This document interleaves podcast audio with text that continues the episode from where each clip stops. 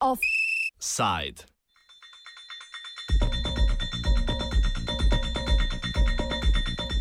Čakajoč slovensko Margaret Vestager.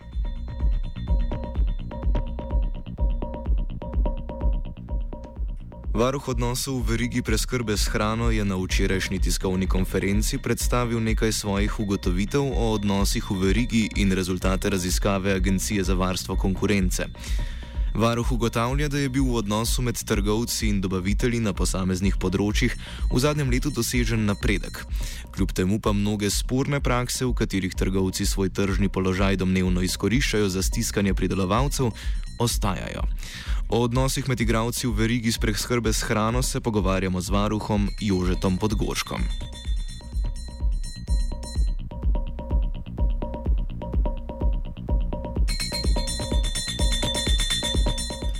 Podgoršek za začetek izpostavi primere pozitivnih praks, ki jih uvajajo nekateri trgovci. Um, tukaj bi izpostavil, nedvomno je vredno izpostaviti novno trgovsko verigo Hofer, ki je um, konec lanskega leta začela uvajati sistem spremljanja porekla uh, sadja in zelenjave preko analize izotopov vode. In torej tudi trgovska veriga sama preverja poreklo eh, pripeljanega sadja in zelenjave, kar močno zmanjšuje eh, nevarnost ali pa možnost zavajanja potrošnikov s poreklom blaga. Druga praksa, ki je tudi vredna pohvale oziroma omembe, je pa ta, da je trgovska veriga, ta ista Hofer, skrajšala plačilne roke na 33 dni, čeprav je zakonski plačilni rok 45 dni za hitro pokvarljivo blago. Ne, najdaljši uh, možni je 45 dni, oni so generično skrajšali ta rok na 33 dni. Poleg tega so pa ponudili tudi možnost um, kmetovalcem, dobaviteljem uh, predčasnega plačila uh, računov. Dobavitelji, če potrebujejo likvidnostna sredstva, bodi si zaradi kakšnih investicij ali pač drugih razlogov, lahko um, zagotovijo predčasno plačilo računov, pri čemer velja, da imajo zelo konkurenčno obrestno mero. Potem bi lahko nadaljevali, kar da se Merkator tu zelo trudi ta v smeri oblikovanja neto-neto cen, je tudi opazen napredek na tem, na tem področju. Um, ravno tako temu, ne bom rekel, da sledite, ampak s tem nimate težav uh, diskontarja, ne Hofer in Lidl.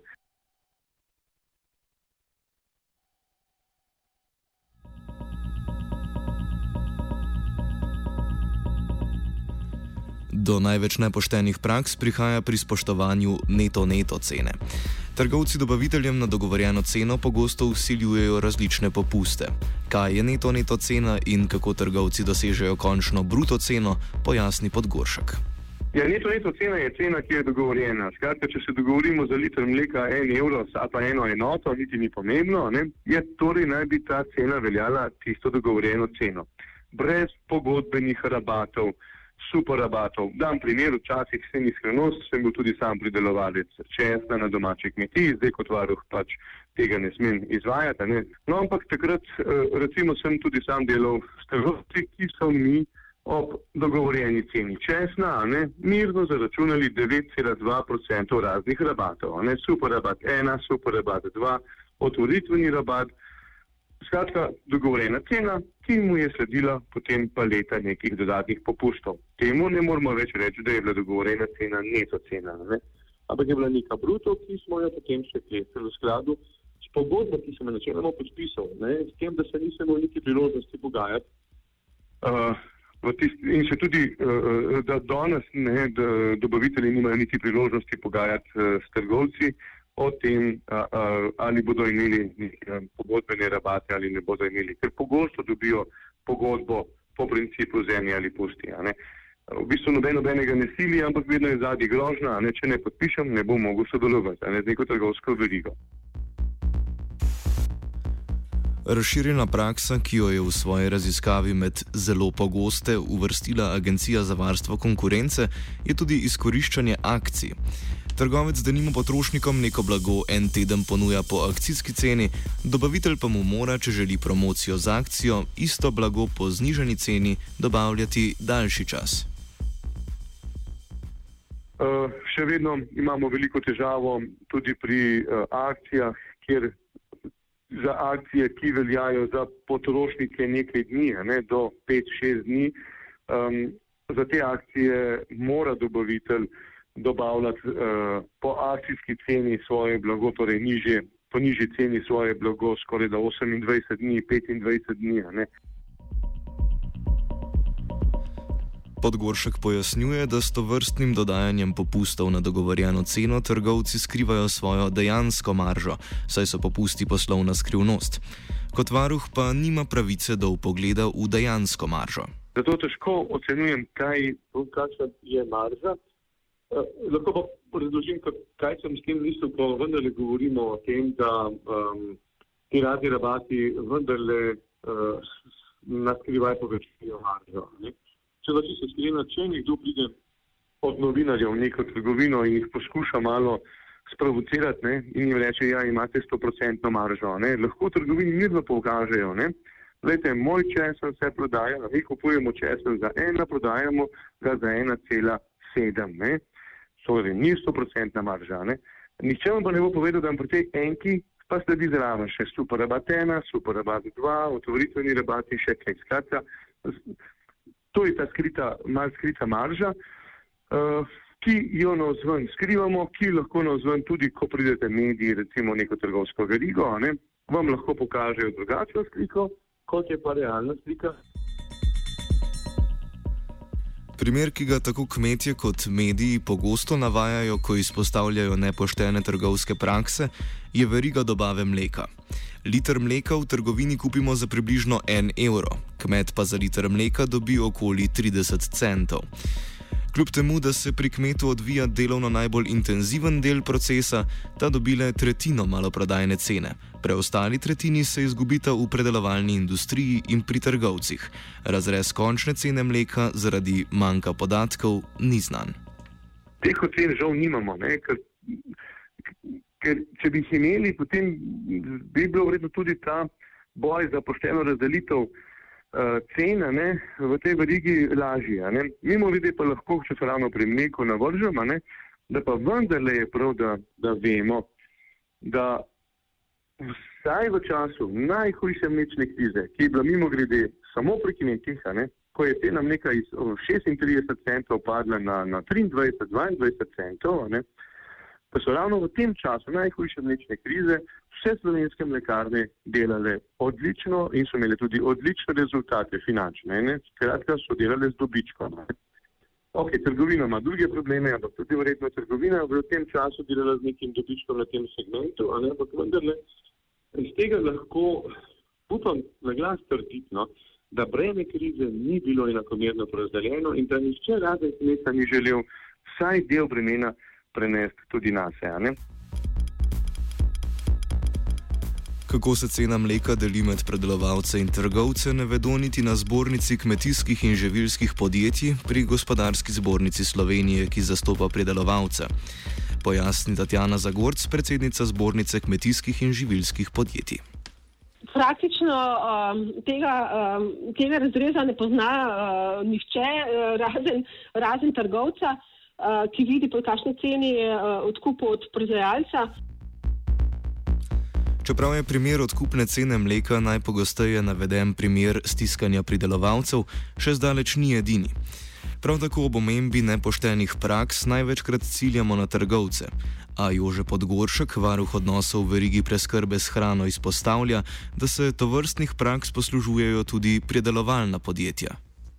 Ja, seveda, mimo grede lani je bil Eh, na Agencijo za varstvo konkurence podan sum kartelnega dogovora ravno, v, eh, ravno pri odkupovalcih žit, ne, torej pri uh, živilskih podjetjih. Ne, uh, ker vemo, da lani so bila pogajanja, v bistvu ni bilo pogajanj o odkupni ceni pšenice, ne, ravno in v času žetve je, na, je prišla na Agencijo za varstvo konkurence ta pobuda, ne, kartel, za, pobuda za preverbo uh, suma um, kartelnega dogovora, ker so se enostavno ne, živilska podjetja dogovorila za ceno in se o tej ceni sploh niso pogovarjali. Bila pa precej nižja od, lan, od predlanske, letos pa je vendarle mal višja cena pšenice tudi zaradi suše in vremenskih uh, pogojev, no, ampak tudi pogajanja so bila v tem letu mal drugačna. Uh, ja, upam bi se drži, da včasih ne, so tudi živilska podjetja tista, ki na nek način izkoriščajo svoj položaj tržnega, tržnega ne, stanja na tem, na tem, v tej verigi.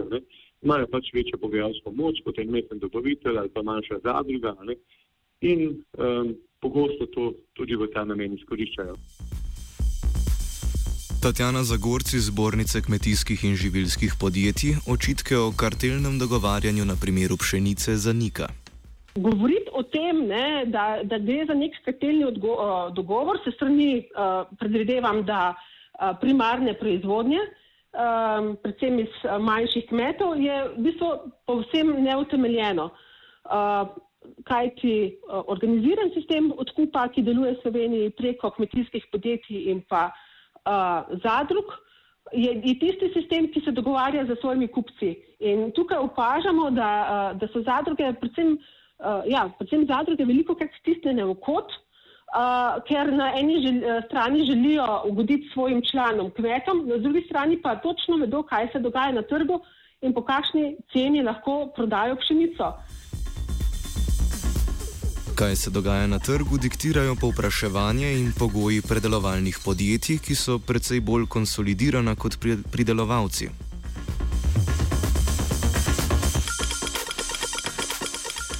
Varuh odnosov v verigi preskrbe s prehrano nima pooblastil za ugotavljanje dejanske kršitve pravil konkurenčnosti, na nje lahko le opozarja. Lani in letos je Agenciji za varstvo konkurence prijavil tiste nepoštene prakse, ki se po njegovi oceni najpogosteje pojavljajo. Agencija je opravila raziskavo in. V bistvu je potrdila, da so priglašeni, priglašeni, uh, priglašene nepoštene prakse, da obstajajo te nepoštene prakse. Um, vendar na koncu pa je bil rezultat tega takšen, da imamo mi še vedno problem v Sloveniji, ker prvič nimamo sodne prakse z tega področja, prav, nobene, ne, prija, prav nobenega primera, prav noben primer še ni bil zaključen z tega področja, ne nepoštenih praks. Po drugi strani imamo pa malo težave z interpretacijo obstoječega zakona o kmetijstvu, ki uh, je osnova za takšen pregon nepoštenih praks in sicer ne znamo še točno opredeliti dveh pojmov, to je vsiljevanje pogojev, kot sem že prej omenil, noben nobenega ne prisili k podpisu pogodbe, ampak je izguba posla prisila in pa ne vemo, kaj je stranka znatno tržno močjo. Ne? Ker tudi to piše, da naj bi v zakonu je navedeno, da naj bi stranka znatno tržno močjo usiljevala nekatere pogoje, ne? kot so rabati, popusti in tako naprej. No in v skladu s tem sta tudi v, v, na, tem, na tej okrogli mizi, ki sem jo organiziral kot varuh, kjer je Avika predstavila svoje, svoje prve rezultate, sta oba dva ministra pristojna za kmetijstvo in za trgovino takrat na tem dogodku tudi prisustvovala in tudi obljubila, da bomo poskušali še v tem mandatu aktualne vlade spremeniti zakon o kmetijstvu tako, oziroma zakonodajo, kjer bo potrebno tako, da bomo lahko tudi formalno sankcionirali te nepoštene prakse. Ne? Poleg sprejema nove zakonodaje bi morda učinkovalo tudi bolj dosledno in situaciji primerno pogumno izvrševanje obstoječe.